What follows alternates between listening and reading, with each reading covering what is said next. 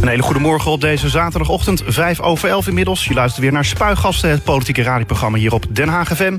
Hier live vanuit de centrale, centrale bibliotheek aan het Spui. En tot 12 uur neem ik de afgelopen politieke week door. En ik natuurlijk ook met mijn gasten. Er moeten meer en snellere treinverbindingen tussen Nederland en Duitsland komen. Daarvoor pleiten vijf Nederlandse provincies en de Duitse deelstaat Noord-Rijn-Westfalen. Ze hebben een brandbrief geschreven aan staatssecretaris Tientje van Veldhoven en haar Duitse collega. Uh, gedeputeerde Floor Vermeulen van de VVD in Zuid-Holland... die wil dat er geld wordt gestoken in hoge snelheidsverbindingen... zodat het vlieg- en wegverkeer wordt teruggedrongen. Vermeulen legt in Spuigasten het belang uit van een betere treinverbinding met Duitsland. Goedemorgen, Floor. Goedemorgen, Ivar. Wat was het voor week voor jou? Ja, een bijzondere week. Uh, weer allerlei debatten in de provincie. Onder andere over een, uh, een hefbrug die het een tijd uh, terug niet meer goed deed. In Boskoop was dat, hè? In Boskoop, een eigen woonplaats. maar nou ja, inderdaad ook het nieuws van de, de treinverbindingen. wat we naar buiten hebben gebracht met een aantal provincies in Noord-Rijn-Westfalen. Dus ja, eigenlijk een, een normale, drukke politieke week in de provincie. En was het nou zo dat je ook weer alles vanuit huis moest doen? Allemaal via Microsoft Teams of zo? Ja, de meeste dingen wel. We zijn echt uh, heel blij in de provincie dat het qua ICT in ieder geval allemaal klopt. En uh, dat, uh, ja, dat het eigenlijk vanaf het begin af aan met thuiswerken prima loopt. Dat is wel eens anders geweest? ja, dat is wel eens anders geweest. dat, dat is ook zo. Maar je ziet bij andere overheden bijvoorbeeld dat het allemaal nog moet worden opgestart en ingeregeld en zo. en dan is het wel heel fijn als je bij ons merkt dat het meestal gewoon werkt. Um, en uh, ja, uh, voor de rest zie je nu ook wel weer dat er bijeenkomsten komen. Uh, buiten het provinciehuis, waar we ook weer op anderhalve meter afstand elkaar zien. En we hadden deze week bijvoorbeeld voor het eerst weer een, een collegevergadering met elkaar. Op anderhalve meter afstand, afgelopen dinsdag. En um, ja, ik had gisteren nog een, een, bijeenkomst in Delft voor de opening van de Sebastiaansbrug. Dus je ziet ook weer dat die, die nou ja, echte fysieke bijeenkomsten dat die er ook weer komen. En dat is goed? Ik denk dat het goed is, um, mits je echt zorgt dat, uh, het, uh, dat je het alleen doet als het echt moet. Um, want uh, ja, als je niet bij elkaar hoeft te komen en het kan ook digitaal, doe het dan gewoon digitaal. Want uh, ja, we moeten niet denken dat het virus weg is, zoals de minister-president ook zei. Dus met dit programma moet dit eigenlijk? Ja, nou ja, dat is eigenlijk aan onszelf om, ter beoordeling. Maar ik denk dat het wel heel nuttig is dat we elkaar even hier zien in de studio. Ja, ja vind ik zelf ook fijn. Uh, ook voor de kijkers natuurlijk fijn van Den Haag TV, maar ook via de Facebookpagina van Spuigasten. en een ander onderwerp wat we in dit programma gaan behandelen. Een nipte meerderheid in de Haagse gemeenteraad wil dat buitengewoon opspor opsporingsambtenaren, oftewel BOA's, worden uitgerust met een korte wapenstok. Dat blijkt uit een inventarisatie door Den Haag. Een oppositiepartij Hart voor Den Haag Groep de Mos is voorstander. Coalitiepartij D66 is tegen. In Spuigasten gaan de raadsleden Jelle Meijnes van Hart voor Den Haag Groep de Mos... en Hanneke van der Werf van D60 in debat. Dat dus straks in Spuigasten. Maar eerst... Het politieke weekoverzicht. Maandag 8 juni. Ja, hoewel het voor artiesten nog verboden is om voor meer dan 100 mensen op te treden, heeft de Haagse zanger Tim Akkerman een manier gevonden om voor maar liefst 524 bezoekers op te treden op 1 juli in een vliegtuig. Tenminste, zo luidt een bericht dat hij maandag de wereld instuurt. Later pas komt de clue. Het is een publiciteitsstunt. Uh, ja, Floor, uh, ja, jij houdt meer volgens mij van klassieke muziek uh, dan van de muziek van Tim Akkerman, toch? Ja, nou ja, ieder, ieder zijn smaak. Ja. ja. ja. Maar toch is het wel een beetje raar, hè? alle gekheid op een stokkie. in vliegtuigen mag je dan nog wel boven op elkaar zitten zonder een mondkapje. terwijl je dan in die theaters en in die horeca afstand moet houden. En dan mogen dan maximaal 30 mensen binnen. Ja. Dat is toch niet uit te leggen eigenlijk, hè? Nou ja, dat, dat, in eerste instantie denk je natuurlijk van... ja, ik snap heel goed de frustratie van mensen die dan niet hun beroep uit kunnen oefenen. maar dat geldt dus inderdaad ook voor de concertzalen de podia. Uh, tegelijkertijd, um, het is wel uit te leggen op basis van wetenschappelijk inzicht. Ik denk dat een van de uh, hele sterke punten van de aanpak van het coronavirus is geweest... dat wij in Nederland gewoon heel goed hebben geluisterd naar mensen die er verstand van hebben. En wat ik nu begrijp is dat een, vliegtuig gewoon heel anders in elkaar zit... dan de gemiddelde tram of trein of een, of een, een concertzaal. Qua um, ja, lucht afzuigen, et cetera. Dus misschien uh, is het een idee om eens te kijken of in de toekomst uh, gebouwen ook zo kunnen bouwen dat het zo werkt. Hè? Uh, dus dat zo'n virus echt naar de grond neerslaat. Uh, maar tot die tijd moeten we gewoon even doen met uh, wat uh, de mensen die er echt verstand van hebben daarvan zeggen. Ja, ik zag ook mensen die er misschien wel minder verstand van hebben, maar die zeiden van ja, kunnen we niet inderdaad die ventilatiesystemen uit, uit die vliegtuigen halen en dan bijvoorbeeld in onze theaters, in onze mm.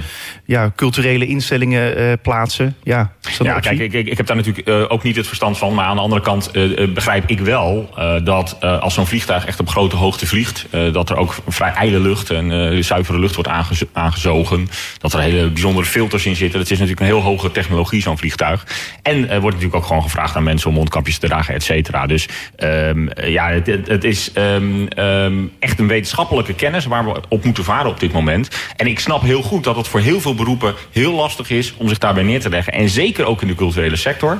Wat natuurlijk super jammer is dat die nog niet uh, volledig uh, open kunnen. Ja, maar de stunt van Tim Akkerman, wat vond je ervan? Ja, ja, het is natuurlijk wel goed dat hij aandacht vraagt voor de problemen in de culturele sector. En uh, dat mag ik wel, want we moeten echt wel goed nadenken over goede steun voor die sector. Zodat straks, als we dat virus hopelijk achter ons hebben, dat er nog cultuur is in Nederland. Dinsdag 9 juni. De Utrechtse burgemeester Jan van Zanen heeft onder toenemende druk van zijn eigen VVD gesolliciteerd in Den Haag. Dat meldt AD Haagse Courant. Aanvankelijk voelde Van Zanen er volgens bronnen binnen de partij weinig voor om te solliciteren, wat hij net aan zijn tweede termijn in Utrecht was begonnen. Ja, Floor, het is niet echt verrassend volgens mij dat VVD-partijgenoten uh, hem, hem, hebben geadviseerd eigenlijk om te solliciteren, toch? Dat gebeurt wel vaker, had ik het idee. Er, er, worden wel eens mensen gevraagd. Dat geldt in alle, allerlei partijen. Van, goh, zou je niet uh, hiervoor willen solliciteren? Uh, dus uh, het zou heel goed kunnen zijn dat dat gebeurt. Dus aan de andere kant, uiteindelijk moet iemand het ook doen. Hè?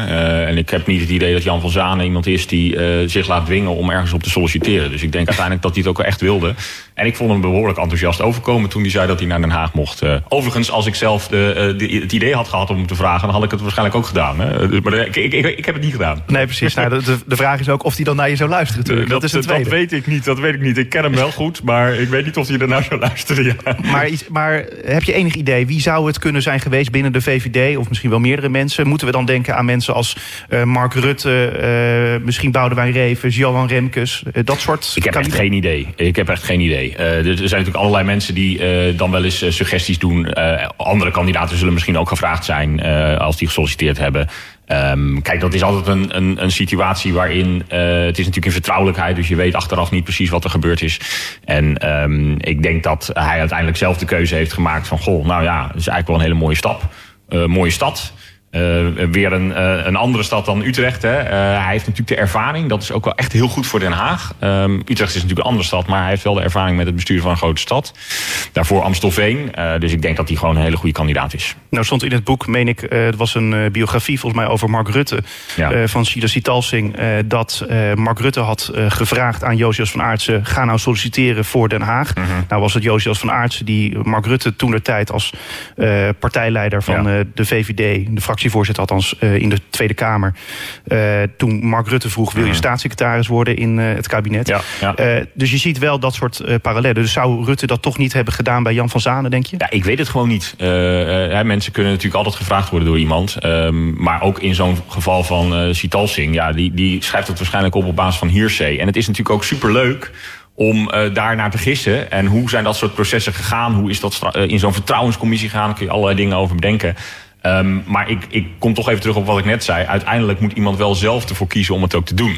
Dus het is niet zo dat uh, ik denk dat Jan van Zanen is uh, gedwongen of uh, gepusht om te solliciteren. Ik denk dat hij uiteindelijk, misschien als hij gevraagd is, heeft gedacht... nou, dat is eigenlijk wel een heel goed idee, laat ik het eens proberen. En dan is het natuurlijk ook nog heel spannend of het ook lukt. En ik ben ook wel heel blij dat hij dus heeft gezegd... nou, met die vaste basis in Utrecht achter me wil ik wel die stap zetten. Want je, je maakt jezelf ook een beetje kwetsbaar. Hè? Stel dat het uitlekt of zo. Nou ja, um, dat is gelukkig allemaal niet gebeurd. Maar um, ja, Den Haag heeft denk ik nu wel een hele goede voordracht voor een nieuwe burgemeester. Wie is Jan van Zanen volgens jou? Het is een hele ervaren bestuurder. Uh, ik ken hem al uit de tijd dat hij uh, partijvoorzitter was van de VVD. Uh, toen was hij nog wethouder in Utrecht in eerste instantie. Vervolgens is hij burgemeester in Amstelveen geworden. Best al een tijd geweest en nu in Utrecht. Dus hij heeft ook echt wel heel veel ervaring die hij met zich meebrengt. Het is een rustige man. Maar het is ook wel iemand die als het moet, ook echt wel heel stevig kan zijn in uh, discussies. Dat heeft hij tegen jou gedaan, in discussie met jou? Uh, ook wel eens, ja, in het verleden, ja, toen hij nog partijvoorzitter was. Maar ik zie het hem ook doen in discussies met het kabinet... als voorzitter van de VNG, hè, de Vereniging van Nederlandse Gemeenten. Moet hij natuurlijk opkomen voor de belangen van gemeenten. Nou, in deze tijd, corona, uh, heel lastige tijd voor gemeenten. Die moeten veel uitgaven doen waar ze niet altijd voor gecompenseerd worden. Ze krijgen geen extra geld van het Rijk. Nou, hij komt er echt voor op om die gemeenten wel extra geld te laten krijgen van het Rijk. Dat doet hij heel goed. Uh, altijd netjes, uh, een echte heer, maar uh, wel een, nou, hij kan stevig uit de hoek komen als het moet. Woensdag 10 juni. Een meerderheid van de Haagse gemeenteraad wil dat BOA's een wapenstok krijgen. Het is wel een kleine meerderheid, want het scheelt slechts één stem. Blijkt uit een inventarisatie door mediapartner Den Haag FM. Je bent dus uh, zelf VVD'er natuurlijk. Ja. Uh, dus je bent vast ook voor het bewapenen van de BOA's. Als het echt moet wel. Uh, kijk, het belangrijkste is natuurlijk... Ik begrijp trouwens dat er nog geen stemming is geweest in de Haagse Raad. Maar dat het een inventarisatie is. Dus ik denk dat het goed is om eerst de stemming even af te wachten. Maar als ik bijvoorbeeld kijk naar onze eigen BOA's in de provincie... Uh, die uh, dragen bijvoorbeeld uh, handboeien. omdat ja, ze zijn nogal eens midden op het water of in een natuurgebied waar ze moeten patrouilleren. En ja, als je daar iemand tegenkomt die echt geweld gebruikt of iets doet wat niet mag, dan moet je die ook even kunnen vastzetten.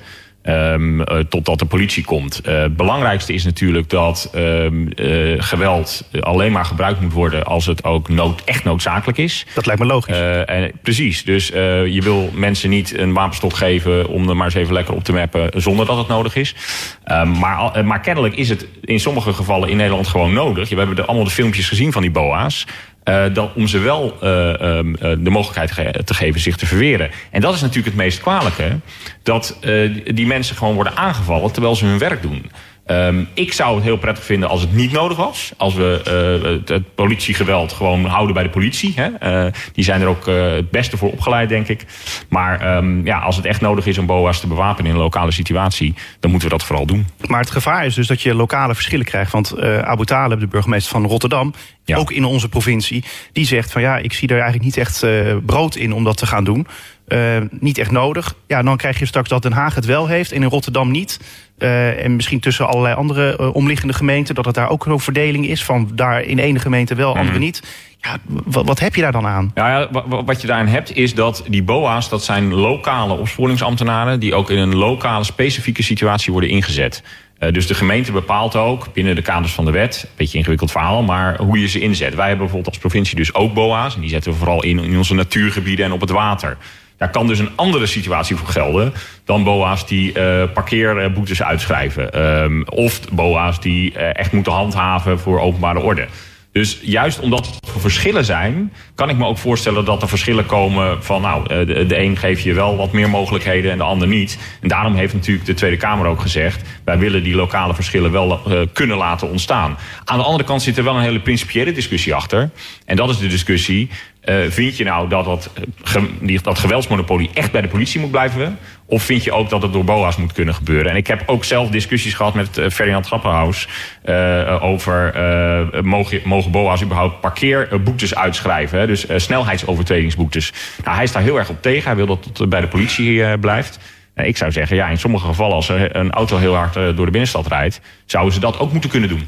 Ja, verlicht misschien ook wat de druk bij de politie, toch? Dat soort dingen. Ja, precies. Maar, maar aan de andere kant zou je ook kunnen zeggen... ja, verlicht de druk bij de politie. Uh, als daar dus druk is, moet je misschien daar meer geld aan uitgeven... ja. zodat de politie het zelf zou kunnen doen. Ja. En die BOA's dus, die op, bijvoorbeeld van de provincie, die op het water en zo... die moeten dus een wapenstok krijgen, ja of nee? Uh, uh, nu hebben ze handboeien. Dat schijnt nu genoeg te zijn. Wij hebben niet het beeld dat, dat zij... die hebben ze overigens nog nooit hoeven te gebruiken. Dat is ook belangrijk. Dus er gaat ook een bepaalde preventieve werking van uit. Als iemand denkt van, hé, hey, daar, hangt daar, daar hangen daar handboeien en een wapenstok stok. Nou, dan kijk ik maar even uit. Dus wij hebben, wij hebben niet het beeld dat het, uh, dat het nodig, nodig is. Maar het is natuurlijk wel goed dat als het echt nodig is, dat het ook kan. We hebben goede ogen dan vanaf het water zo. Uh... Ja, kennelijk ja. ja. ja, ja. Donderdag 11 juni. Boze kermisexploitanten die demonstreren op het Malieveld in Den Haag. Ze zijn het niet eens met het besluit van de overheid om kermissen tot 1 september te verbieden. De kermisbranche wil net als pretparken en dierentuinen weer snel open kunnen. Snap je die boosheid bij de kermisbranche? Ja, dat, nou ja, boosheid um, is denk ik niet heel erg nodig. Maar de frustratie snap ik wel. En dat is eigenlijk hetzelfde als waar we het net over hadden met de culturele sector. Dat is gewoon het onbegrip van, uh, ja, maar waarom mag deze sector wel open en de andere sector niet? Uh, en dan begrijp ik dat als ze niet gehoord worden, of ze hebben het idee dat ze niet gehoord worden, dat ze het eigenlijk een signaal willen uitsturen. En wat doe je dan tegenwoordig? Ja, dan ga je naar het Malieveld. Ja, maar ze hebben daarvoor al eerder signalen natuurlijk uh, uitgestuurd. Uh, bijvoorbeeld met brieven en ja. in de media. Ja. Waarom doet het kabinet dan niks? Het is toch gewoon een traag optreden dan van de vanuit de politiek? Ja, ik weet niet of het een traag optreden is. Kijk, soms kunnen dingen gewoon niet. Um, en uh, dat is hetzelfde als met uh, allemaal mensen in een in, uh, te veel mensen in een bioscoopzaal zetten of andere zaken. ja, we luisteren dus naar de wetenschap. en vervolgens moet er een politieke afweging gemaakt worden. Van sta je iets wel toe, sta je iets niet toe. nemen we die verantwoordelijkheid. En ik heb niet het idee dat het kabinet daarin traag handelt of nou ja, dingen afhoudt of wat dan ook. Maar er wordt gewoon echt gekeken naar wat kan er op dit moment in Nederland. Ja, maar die kermissen, die zeggen, die kermisexploitanten, die zeggen het kan gewoon. We kunnen afstand houden en we kunnen het gewoon goed regelen. Nee, maar natuurlijk zeggen ze dat. Uh, dat zal iedere sector zeggen. Dat hebben we de horeca ook horen zeggen. Dat horen we nu bowlingcentra zeggen. Uh, er is geen sector die zal zeggen, nee ja, we kunnen dat niet. Um, dus uh, die leggen allemaal plannen neer. En uiteindelijk moet dat plan natuurlijk zo overtuigend zijn... dat de wetenschappers in dat Outbreak Management Team... Uh, waarom gebruiken we daar trouwens een Engelse term voor in Nederland, denk ik dan, maar goed. die, die moeten dus zeggen van, nou, dit, dit klopt. of dit klopt niet. En dan moet het kabinet een knoop doorhakken. Ik zou zeggen crisisteam. Ja, dat is beter. Ja, team is ook al Engels. Nou ja, sorry. Vrijdag 12 juni. Reizigers die worden verplicht om een eh, niet-medisch mondkapje te dragen bij, op de uh, Nederlandse luchthavens bij het inchecken, bij de gate en bij de veiligheidschecks. Daarnaast moet iedereen in het vliegtuig een mondkapje dragen en moeten reizigers een gezondheidsverklaring invullen en ondertekenen. Nou kijk, daar heb je het al natuurlijk. Uh, ja. ik had dit nieuws eigenlijk al uh, weken geleden verwacht. Maar goed, uh, denk je dat die luchthavens dit nou zelf ook wilden? Of is dit echt iets vanuit de samenleving, vanuit het bestuur? Ja, wat je ziet is een enorme druk om natuurlijk dingen weer open te stellen. We hadden het er net al over. En, en ik heb bijvoorbeeld zelf meegemaakt in het openbaar vervoer de discussie. Hè. Op een gegeven moment was het idee van ja, binnen het openbaar vervoer moeten we anderhalve meter blijven houden met elkaar. Ja, dat kan natuurlijk gewoon niet. Hè. Er zijn locaties waar dat niet kan. Uh, en uh, vervolgens hebben we gezegd, nou ja, als dat niet kan, dan moeten we gaan kijken naar, moet je maatregelen nemen om die, als je die anderhalve meter niet kan handhaven, of je zeg maar uh, dichterbij kunt gaan staan. En daar heb je mondkapjes voor nodig, om dan dat risico van dat dichter bij elkaar zitten, om dat eigenlijk te mitigeren en te niet te doen. Um, dus toen hebben we in het OV gezegd, dat is al een paar weken terug natuurlijk, als we dat OV weer verder willen openstellen, hebben we mondkapjes gewoon nodig. En je ziet dat dat. Uh, het was voor Nederland natuurlijk nieuw, want er was heel lang een soort van twijfel om mondkapjes uh, uh, toe te staan. Maar ja, in het OV is dat nu de eerste sector. Ik denk dat we het op meerdere plekken gaan zien. en het is natuurlijk niet zozeer alleen om jezelf te beschermen. Maar zo'n mondkapje draag je vooral om te voorkomen dat als je niest of hoest, om anderen te besmetten. Ik hoor trouwens ook mensen die dan zeggen: ja, ik kom in de trein iemand tegen, die doet zijn mondkapje af om te niezen. Dat is dus niet de bedoeling. Je moet gewoon vol in dat mondkapje niezen, want anders heeft het helemaal geen zin. Precies. Maar uh, over de luchtvaartsector. Uh, ja, heb jij zelf contact gehad bijvoorbeeld met Rotterdam de Heek Airport hierover? Dat zij zeggen van wij willen dit graag? Nee, nee, nee. Uh, die, die luchtvaartsector heeft ook echt contacten met de regering. Ehm, en uiteindelijk worden daar de keuzes gemaakt. En ik kan me heel goed voorstellen dat er zeg maar, extra maatregelen worden genomen. Omdat op zo'n vliegveld met al die checks en zo mensen gewoon te dicht bij elkaar komen. En dan heb je die mondkapjes nodig. Zaterdag 13 juni. Vanwege de coronacrisis eh, komen zaterdag drie politieke partijen met een online congres om hun achterban toe te spreken. VVD, GroenLinks en de ChristenUnie houden een live sessie met onder meer hun partijleiders. Hoe de uitweg uit de coronacrisis eruit moet komen te zien, zal bij alle drie de congressen aan de orde komen. GroenLinks nam gisteren al een voorschot. De hogere zorgkosten moeten worden betaald uit de winstbelasting voor bedrijven, niet met hogere premies, vindt de partij. Zit je er ook klaar voor, voor de online sessie van de VVD? Nee, ik zit hier. Maar het voordeel van. Ja, het is pas om vijf uur, geloof ik. Oh, die van de VVD. Uh, nee, maar het voordeel Zo goed op de hoogte ben je. Ja, dus. nee, nee, ik was eigenlijk um, van plan om het. Dat is het voordeel van digitale sessies, dat je het gewoon terug kan kijken. Uh, ja. Dus uh, ja, dat is wel heel fijn. Normaal ga ik natuurlijk altijd naar het VVD-congres. Ik sla bijna geen congres over. Maar um, nou, deze keer stond het eigenlijk niet met, met veel in mijn agenda. Nee. Oké. Okay. Maar wat hoop je wel te horen van de partij? Want het gaat dus over die vraag van hoe uit de crisis te komen. Ja, wat, wat ik echt super belangrijk vind, is dat we blijven investeren in Nederland. Uh, dat, dat sluit ook aan op dat onderwerp van die, van die treinverbindingen. Uh, wat we nu niet moeten doen, is ondanks alle enorme kosten die we hebben voor de, voor de coronamaatregelen, zeggen van nou die investeringen in infrastructuur, in woningbouw, et cetera, daar stoppen we nu maar even mee. Of in energietransitie. Die investeringen moeten gewoon vol doorgaan. Want als we die stoppen, ja, dan krijgen we echt een nog veel grotere crisis. Uh, en, en dat moeten we niet hebben. Dus ik hoop heel erg dat de VVD de partij is van ja, solide overheidsfinanciën. Uh, maar ook zorgen dat we door blijven investeren. Want dat zijn uiteindelijk investeringen die in de toekomst ook weer terug uh, verdienen. Zo kennen we de VVD. Zo is dat. Uh, tot zover het weekoverzicht. Meer nieuws vind je op onze website denhagfm.nl. Spuigasten. Er moeten meer en snellere treinverbindingen tussen Nederland en Duitsland komen. Daarvoor pleiten vijf Nederlandse provincies en de Duitse deelstaat Noord-Rijn-Westfalen. Ze hebben een brandbrief geschreven aan staatssecretaris Tientje van Veldhoven en haar Duitse collega. Gedeputeerde Floor Vermeulen van de VVD in Zuid-Holland, je hoorde hem net, wil dat er eh, geld wordt gestoken in hoge snelheidsverbindingen, zodat het vlieg- en wegverkeer wordt teruggedrongen. Vermeulen legt in Spuigasten het belang uit van een betere treinverbinding met Duitsland. We hebben al een verbinding natuurlijk met Berlijn. Die duurt nu zes uur. hoeveel korter kan het volgens jou? Nou ja, het duurt zes uur als je eenmaal in de trein zit. Ehm, maar je moet ook nog naar die trein toe. Hè. Dus ik heb zelf wel eens geklokt. Volgens mij ben je toch al een uurtje of acht bezig met voor- en na-transport. voordat je uiteindelijk op je bestemming bent. En ehm, wat het interessante is, is dat we natuurlijk een bestaande uh, trein hebben naar Berlijn. Die zou je eventueel kunnen versnellen. Maar dat is een IC. In Duitsland heb je dus IC en ICE. Hè, dus de IC is nog sneller. Um, en die IC die moet dus bij elke stad stoppen. Ja, dat betekent dus dat je best wel veel tijd kwijt bent. Overigens in Nederland rijdt hij het uh, traagst. Omdat hij op allerlei dingen, op, op allerlei plekken moet stoppen. Maar je hebt ook nog de verbinding via Arnhem en Duisburg. En wat Noord-Rijn-Westfalen dus heeft gezegd is... ja, misschien zou je die bestaande verbinding kunnen versnellen... door gewoon minder te stoppen of, of nou ja, sneller te gaan rijden.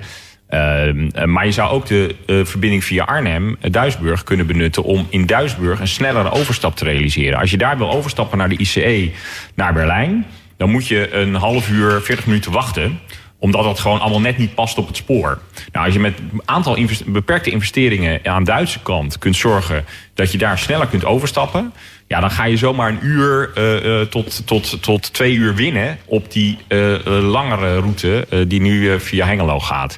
Nou, dat zou natuurlijk een heel interessant idee zijn. Dan moet je wel overstappen. Maar goed, dat zijn we op zich wel gewend. Als je natuurlijk in Nederland reist, dan moet je soms ook overstappen. Ja, maar goed, het voordeel was juist van die andere trein dat je gewoon kon blijven zitten natuurlijk in die hele rit. Ja, dat is natuurlijk lekker blijven, blijven zitten uh, als je in de trein zit. Maar ja, soms moet je gewoon ervoor kiezen om eventjes een overstap te maken om op je bestemming te komen. En als dat sneller is, is dat natuurlijk ook aantrekkelijker. Dan sluit je goed aan op het Duitse netwerk.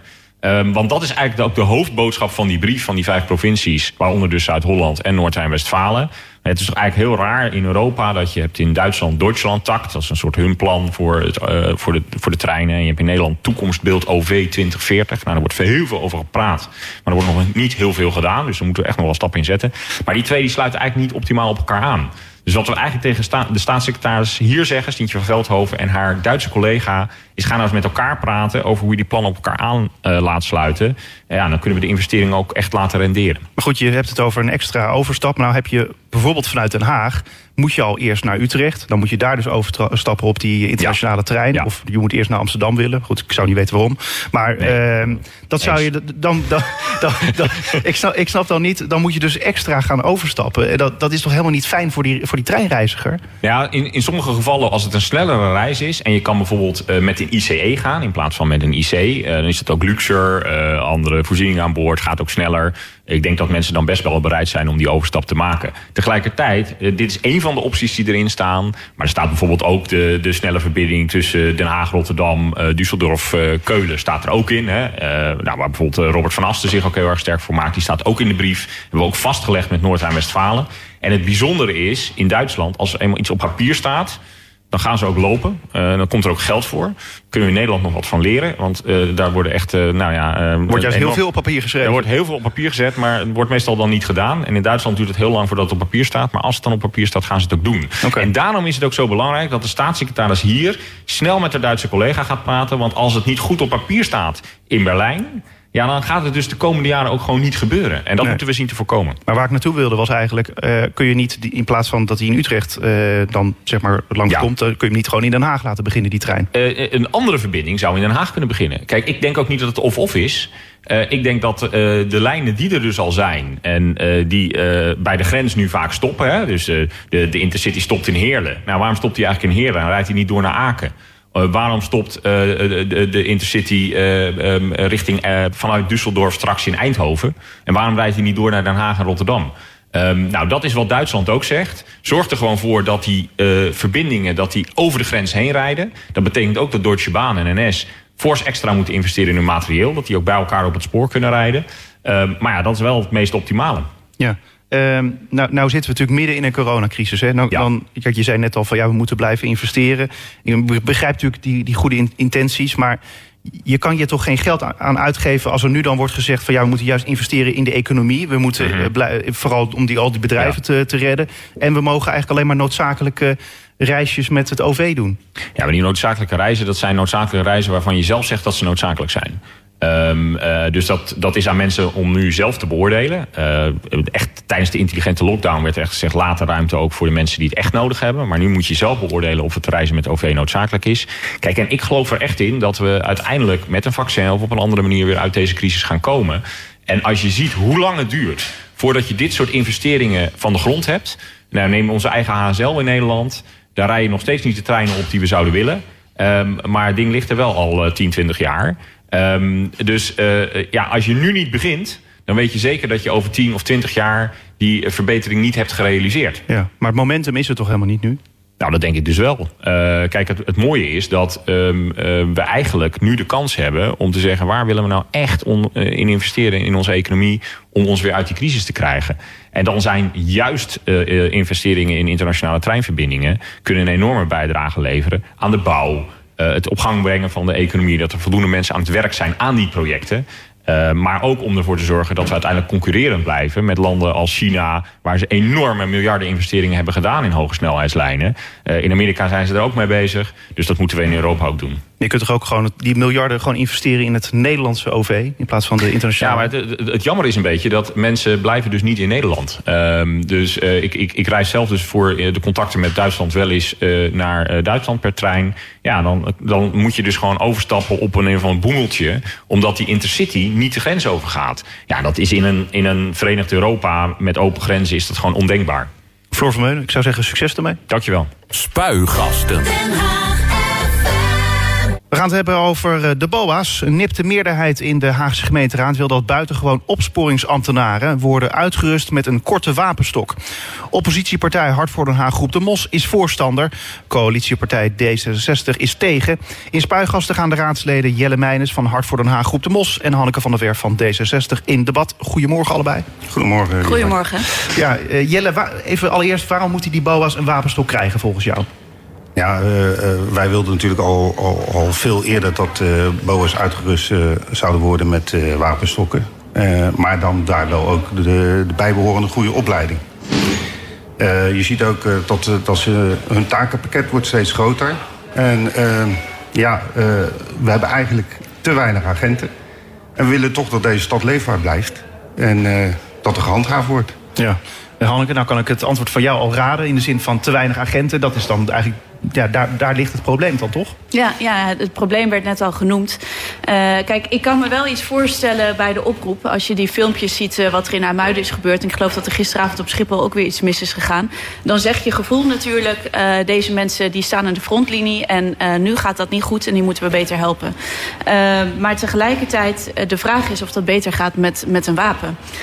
je ziet zelfs dat er ook situaties zijn waarbij mensen, nou, meneer Meijners gaf het zelf al aan, die niet de de, uh, de goede opleiding en de psychologische begeleiding die politieagenten wel hebben uh, in zo'n situatie uh, wellicht alleen maar verder escaleert. En daar hebben de BOA's ook niets aan. Dus ik denk dat wij vooral na moeten denken over hoe zorg je ervoor dat er vaker politieagenten in dit soort spannende situaties komen en niet BOA's. En dat zij ook samen beter kunnen samenwerken om dit te voorkomen. Ja, maar goed, in een bepaalde casus kan het natuurlijk zo zijn dat een BOA dermate bedreigd is, zoals bijvoorbeeld de situatie in IJmuiden... dan is het mhm. misschien wel goed als je zo'n wapenstok bij je hebt... omdat het misschien nog afschrikkend kan werken. Je kunt er in elk geval mee dreigen.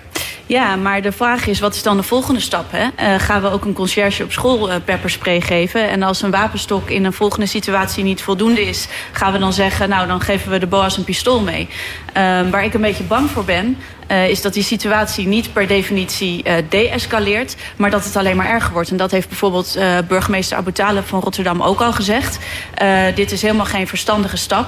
Je moet echt beter nadenken over hoe je zorgt... dat er sneller politie ter plekke is. Bijvoorbeeld plek in het centrum, op de boulevard... waar het met dit soort warme dagen zomaar is... weer snel kan escaleren. Dan zou je eigenlijk moeten kijken... kunnen we niet een soort rapid response teams maken... waarin BOA's en politie nauwer samenwerken... en niet meer de mensen uh, uh, die geen wapens hebben in de frontlinie staan. Ja, Jelle, zijn dat de volgende stappen die Hanneke net noemt? bijvoorbeeld de conciërge met pepperspray? Nee, nee ja, dat moet je natuurlijk niet willen. Maar waar het om gaat is dat, dat die BOA's gewoon kwaliteit, dat de kwaliteit ervan beter wordt. je ziet dus, ja, ze zegt, wij zijn natuurlijk ook voor die paniekknop. Maar als je te weinig agenten hebt, ja, dan heb je straks die paniekknop, die druk je in. En dan, ja, dan zijn er geen genoeg agenten En dan is er dus een probleem. Kijk, en je, je moet dus, ze moeten heel goed getraind worden in de benaderingstechniek en in, in gespreks, gesprekstechnieken. Waardoor ze minder snel in dat soort situaties terechtkomen natuurlijk. En ze moeten natuurlijk altijd eerst de politie waarschuwen... voordat ze in dat soort penibele situaties terechtkomen. Daarvoor moeten ze ook heel goed getraind worden... Voor, alvorens ze zo'n wapenstok krijgen. En minimaal ook in bezit zijn van een bodycam. Ja. Geloof je daarin, Hanneke, als Jelle zegt... Van, ja, ze moeten gewoon goed getraind worden? Nou, uh, ik denk dat training één ding is. Maar uh, ik denk dat je vooral moet kijken waar zit nu de winst te behalen met de politie. En ik geloof dat het in Den Haag nog wel redelijk goed gaat. Maar bijvoorbeeld in gemeenten als Rijswijk is gewoon nauwelijks uh, afstemming. Uh, de BOA's doen het ene als zo'n groepje mensen te dicht op elkaar in een park tegenkomen. En de politie doet het andere. Um, ik vind wel, meneer Meijners had het net over de bodycam. Ik ben heel benieuwd wat er um, uit die pilot komt. Eind vorig jaar zijn handhavers gestart met een bodycam. En ik kan me best voorstellen dat dat helpt. Uh, dat, dat vreemde ogen dwingen, om het zo maar te zeggen... als je in een penibele situatie komt. Um, maar uh, dat is ja, ook wel afschrikwekkend natuurlijk. Het, het, uh, het lastige is nu natuurlijk ook met die coronamaatregelen... dat er ja, toch wel steeds vaker irritatie komt bij het publiek. dat je ook ziet dat sommige bewindspersonen zelfs... die verschillende coronaregels anders uitleggen. en die BOA's die moeten dat op straat maar even gaan regelen. Ja. En, en dat is natuurlijk iets waar we nu wel naar moeten kijken... van uh, nou ja, hoe kunnen we het zo oppakken dat zij niet meer uh, uh, in deze situatie in de frontlinie staan. Ja, maar heb je daar ideeën voor? Behalve meer agenten? Nou, ideeën. Kijk, onze fractievoorzitter, toenmalig wethouder Richard de Mos had een heel mooie nota geschreven over de handhaving.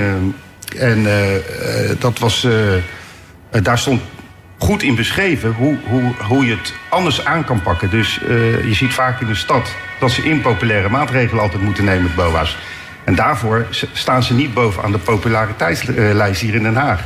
Je ziet dus dat heel veel mensen eigenlijk een beetje boos zijn op de BOA's. En dat komt door de maatregelen die zij moeten nemen. Eh, Hanneke zei net al, bij, bij uh, ze lopen bijvoorbeeld straks bij een café naar binnen... omdat ze anderhalve meter niet van elkaar afstaan. Maar ze zien uh, de dag ervoor zien ze een filmpje van 5000 man op de Dam.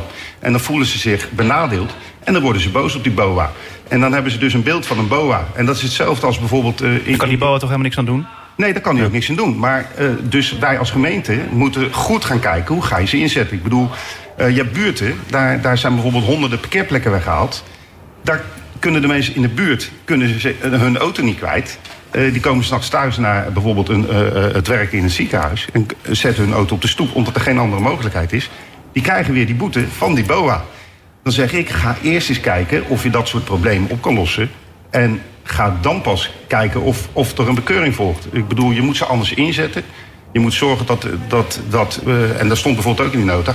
ga monitoren bij ondernemers, bij bewoners wat zijn nou de, de grote problemen in de stad?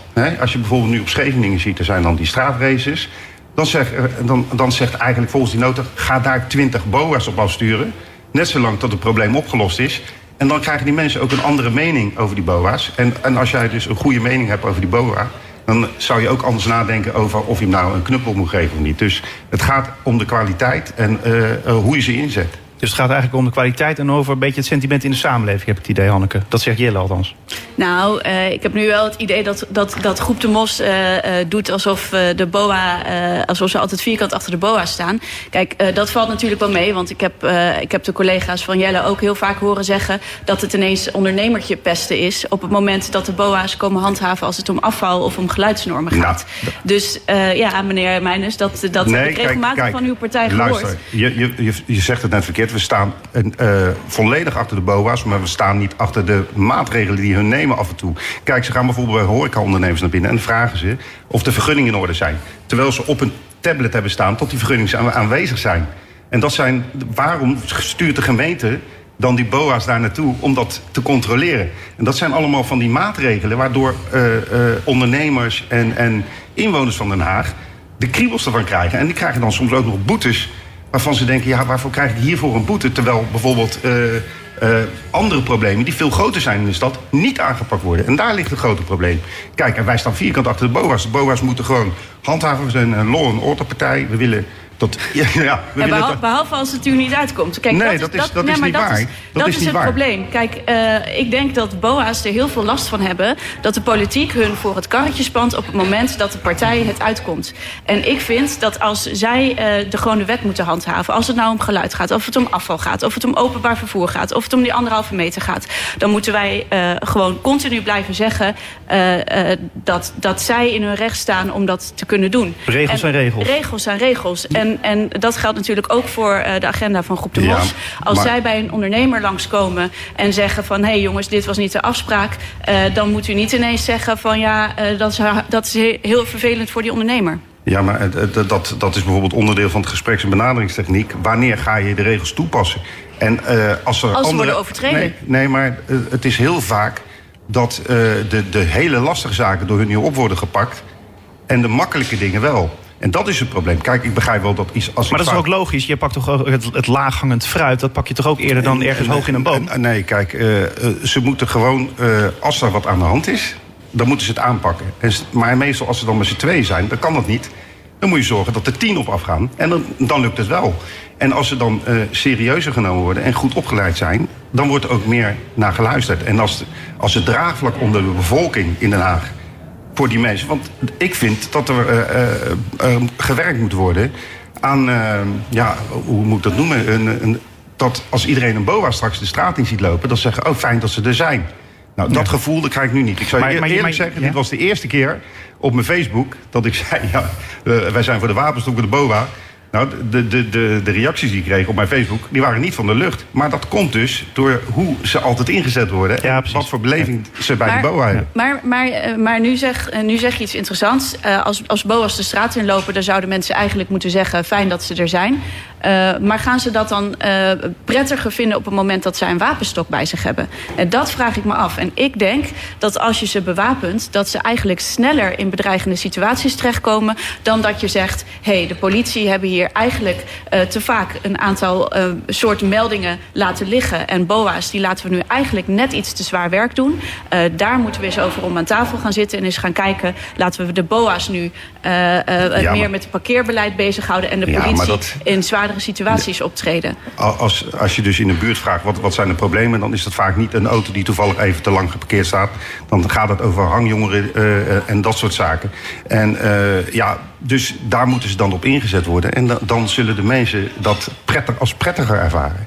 Dat is dus het hele verhaal. Ja, maar eh, wat, wat ik Kijk, en als ze goed opgeleid zijn, hè, dan zullen ze die, handha die, die, die knuppel niet snel hoeven te gebruiken. Omdat hun benaderingstechniek en hun gespreksaanpak, die, die is dan beter. En waardoor je minder snel in die situatie komt. Ja, maar de kans Maar bestaat ook dat ze dus juist. eh, ja, de kans bestaat ook natuurlijk dat ze, dat ze meteen eh, een wapenstok pakken erbij. Nee, dat, ze worden. Ze, ze hij is krijgen toch die, dichtbij. Nee, ze krijgen die wapenstok alleen als ze goed opgeleid zijn en ze hoe ze weten eh, hoe die te, te gebruiken. Ja. Dat is belangrijk. Hoe, wanneer gebruik je zo'n wapenstok? Maar als de situatie zich voordoet dat ze in die situatie gaan komen, moeten ze natuurlijk ook die paniekknop hebben.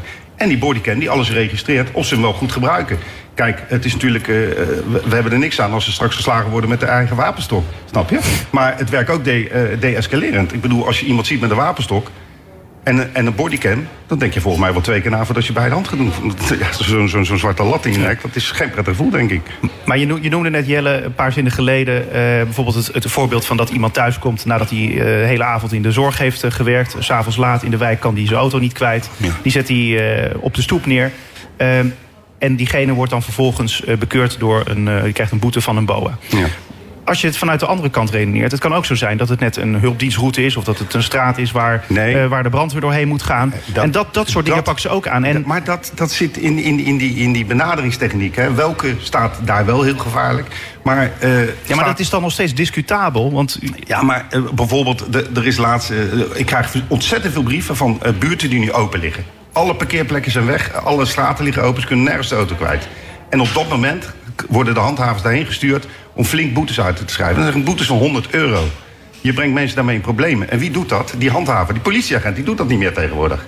Dat doen de handhavers, die krijgen daar de schuld van. En die worden eh, eh, door iedereen eh, uitgekost op op dat moment. Ja. En dat is het probleem. En daarvoor zien mensen die, die handhavers, die we keihard nodig hebben, gewoon als, als als onprettig. Ja, maar je stelt dan eigenlijk voor van nou ja, als, als een auto dus bij wijze van spreken fout geparkeerd staat uh, uh, en mensen hebben daar niet echt direct last van, uh, niet heel erg grote last van, nou, dan, dan hoef je diegene niet te bekeuren. En als mensen er wel last van zouden hebben, dan dus nou, wel. Dan zou je dus krijgen twee verschillende manieren in de straat. Nee, we gaan, de ene wel de andere eerst niet. de grootste problemen aanpakken. Ja, en tuurlijk, als je dan in, in, in de loop der dag dat soort dingen tegenkomt, uh, moet je ook handhaven. Maar het is vaak zo, als die mevrouw bekeurd wordt, bij wijze van spreken, omdat de auto te stoep staat. en er staan uh, twintig uh, arbeidsimmigranten bij een speeltuin. en daar loopt geen handhaven op af. maar die staat te tegelijkertijd wel iemand te bekeuren met de auto. dan krijg je dat soort gevoelens. En dat zeggen, terwijl eigenlijk heel de buurt heeft een probleem met die mensen die bij de speeltuin staan. Ja? En niemand heeft een probleem met die ene auto die dan toevallig even fout geparkeerd staat. En daar, daar wringt de schoen. Dus als gemeente, ook met, hetzelfde met bijplaatsingen. Zorg gewoon dat die bakken, die werden vroeger drie keer gelegd per week. En nu maar één keer. Maar uh, uh, de mensen hebben nog steeds die behoefte om heel veel vuil weg te gooien. Zorg dan dat het vaker wordt opgehaald. Ja, dan heb je dus ook minder situaties straks waar, waarin die handhavers uh, terechtkomen. Snap je wat ik bedoel? Eigenlijk gaat het dus om het beleid vanuit de gemeente... en niet zozeer hoe de BOA's werken. Nou, ik hoor hier vooral de groeps, uh, groep de Mos-agenda. Uh, als mensen ergens last van hebben, dan moet erop gehandhaafd worden. Uh, maar als ze zelf een, auto een auto verkeerd parkeren, dan is het prima. Kijk, dat kan natuurlijk niet. Wij moeten als gemeente heel duidelijk stellen wat de regels zijn. Dan heeft iedereen in de stad zich aan te houden. En als we daar nu mee gaan marchanderen en zeggen... nou, de arbeidsmigranten op het speelpleintje zijn irritant... maar als tante Annie haar auto verkeerd parkeert, dan is het prima. Uh, dat is gewoon onwerkbaar voor de BOA's. En ik wil nog een ander punt maken... wat ik hier helemaal niet in de discussie hoor... Mm. is dat het niet alleen maar met beleid vanuit de gemeente te maken heeft... Uh, waarmee mensen die voor de overheid werken... in een gevaarlijke situatie terechtkomen. Want wat denkt u van al die mensen die op de ambulance staan? Uh, hoe vaak die uh, met agressiviteit te maken krijgen. Dan zegt u toch ook niet, nou die ga ik even een wapen geven en dan komt het goed. En dan moeten ze zelf maar kijken in welke situatie die, ze die nou, inzetten. Dat ik, kan gewoon niet. Ik, ik, ik, ik, uh, ik kan wel een voorbeeldje geven over een ambulance medewerker en een BOA. En dat heeft dan vooral te maken met de benaderingstechniek. Maar uh, ja, dan gaan we te ver uitweiden. Het gaat erom, die notenhandhaving, waarin wij dus stelden, uh, Richard dus in stelde van... joh, luister, we moeten kijken naar wat de ondernemers en, en, en, en de inwoners van Den Haag als overlast ervaren. En dat moeten we collectief aanpakken met meer handhavers. Dat, dat stond in, in die notenhandhaving buitenruimte. En daar zat uw partij, die heeft daar ook voor getekend. Dat, dat is een collegebesluit. Dus u was het eigenlijk eens met, met, met onze wethouder. Dus ik, ik begrijp eigenlijk niet waarom u dat uh, nu niet bent. Nou, daar gaat, daar gaat mijn punt helemaal niet over. Mijn punt gaat erom dat u vindt dat de BOA's moeten handhaven... op momenten dat, dat Groep de Mos vindt dat iets oké is. En nee, als, niet, de, en als nee, de ondernemers erbij gebaat zijn... De dan inwoners... moeten de BOA's vooral thuis blijven. En op momenten uh, nee. dat u zegt, nou, nu uh, stoor ik me eraan... dan moeten ze optreden. En daar zijn de BOA's niet bij gebaat. Zij, zij willen een duidelijke lijn vanuit het niet stadhuis...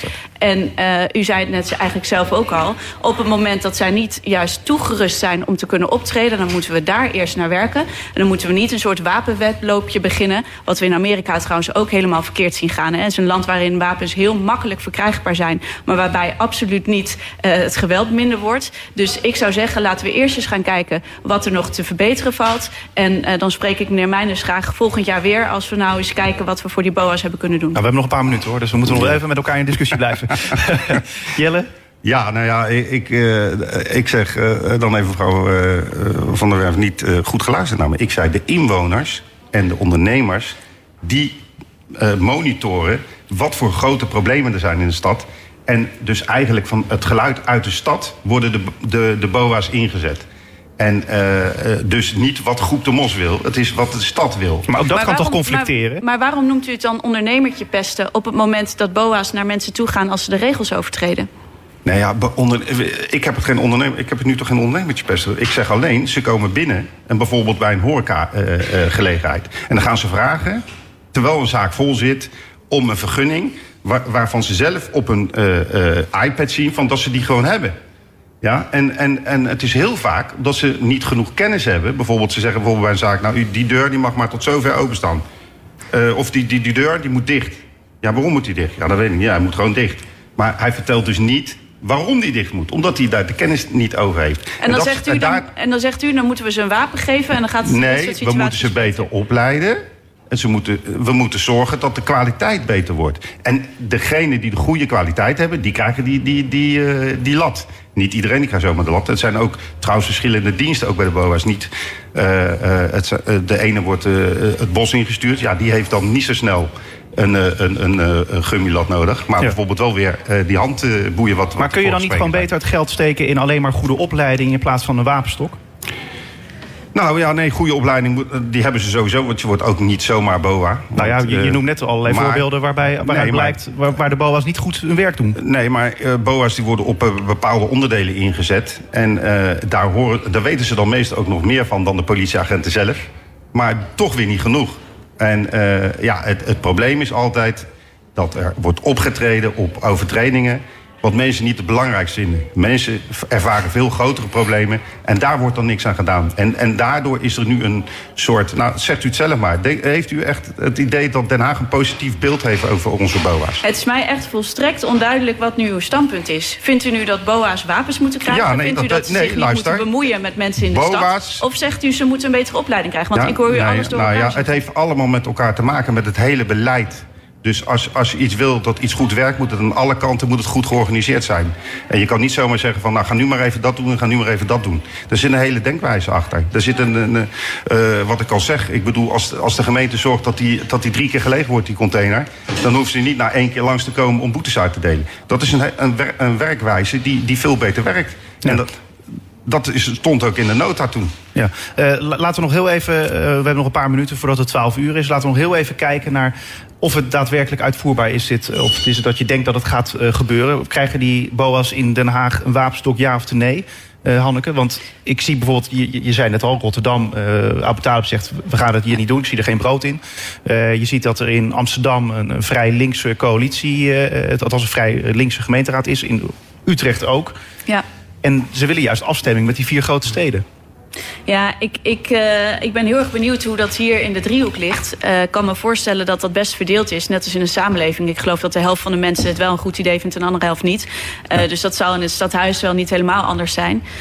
Um, ja, ik, ik ben heel erg benieuwd. We hebben aanstaande donderdag een debat over veiligheid in de Raad. En uh, ik kan me voorstellen dat dit een van de onderwerpen is. En uh, ja, ik zal daar opnieuw het punt maken dat het mij uh, heel verstandig lijkt... om eerst eens te kijken wat we kunnen doen in de samenwerking met de politie. om te zorgen dat het voor de mensen die nu in hele vervelende situaties komen... ook weer vandaag met dit lekkere weer... met een iets geruster hart hun pak aan kunnen trekken en aan het werk kunnen gaan. Jelle, denk je dat het ervan gaat komen? BOA's met wapenstokken? Nou ja, uh, uh, de goed opgeleide BOA die uh, mag wat ons betreft een wapenstok krijgen. En dan weet iedereen van, nou, als ik met die BOA te maken krijg... dan, dan moet ik gewoon luisteren. moet trouwens naar, naar, iedere BOA moet je luisteren. Dus, dat en ze zijn allemaal goed opgeleid, zei je net. Dus dan krijgen ze Ja, allemaal. maar de, je, je krijgt voor dat soort handelingen... heb je extra ja, diploma's nodig, zeg maar... voordat je met een wapenstok om mag gaan. Ja. En uh, dat is allemaal goed geregeld. Je krijgt niet zomaar een, een wapenstok. Ik zag ook nog trouwens Joris Wijsmuller van de Haagstadse Partij... die zei nog van ja, het is eigenlijk allemaal de schuld van het neoliberale beleid... van uh, de afgelopen jaren bezuinigingen op uh, de politie, et cetera. Nou ja, uh, dat is misschien... Je ziet, ze moeten steeds de taken overnemen van de politie... terwijl ze daar eigenlijk ja. niet voor op... En dat heeft ja, te maken met die kwaliteit. Kijk, als ze hun op een gegeven moment een heleboel taken over kunnen nemen... Die, die, die, die ook weer de politie in de weg zit met het uitvoeren van hun vak... dan is dat toch alleen maar beter. En uh, dan hebben we dus eigenlijk een grotere politiemacht. We willen toch meer dat, dat, we gewoon, dat de leefbaarheid in goed is, dat de, dat de kwaliteit daarvan goed is, uh, de veiligheid. Dat vinden we allemaal belangrijk. Nou, dan moeten we zorgen dat dat uh, goed opgepakt wordt.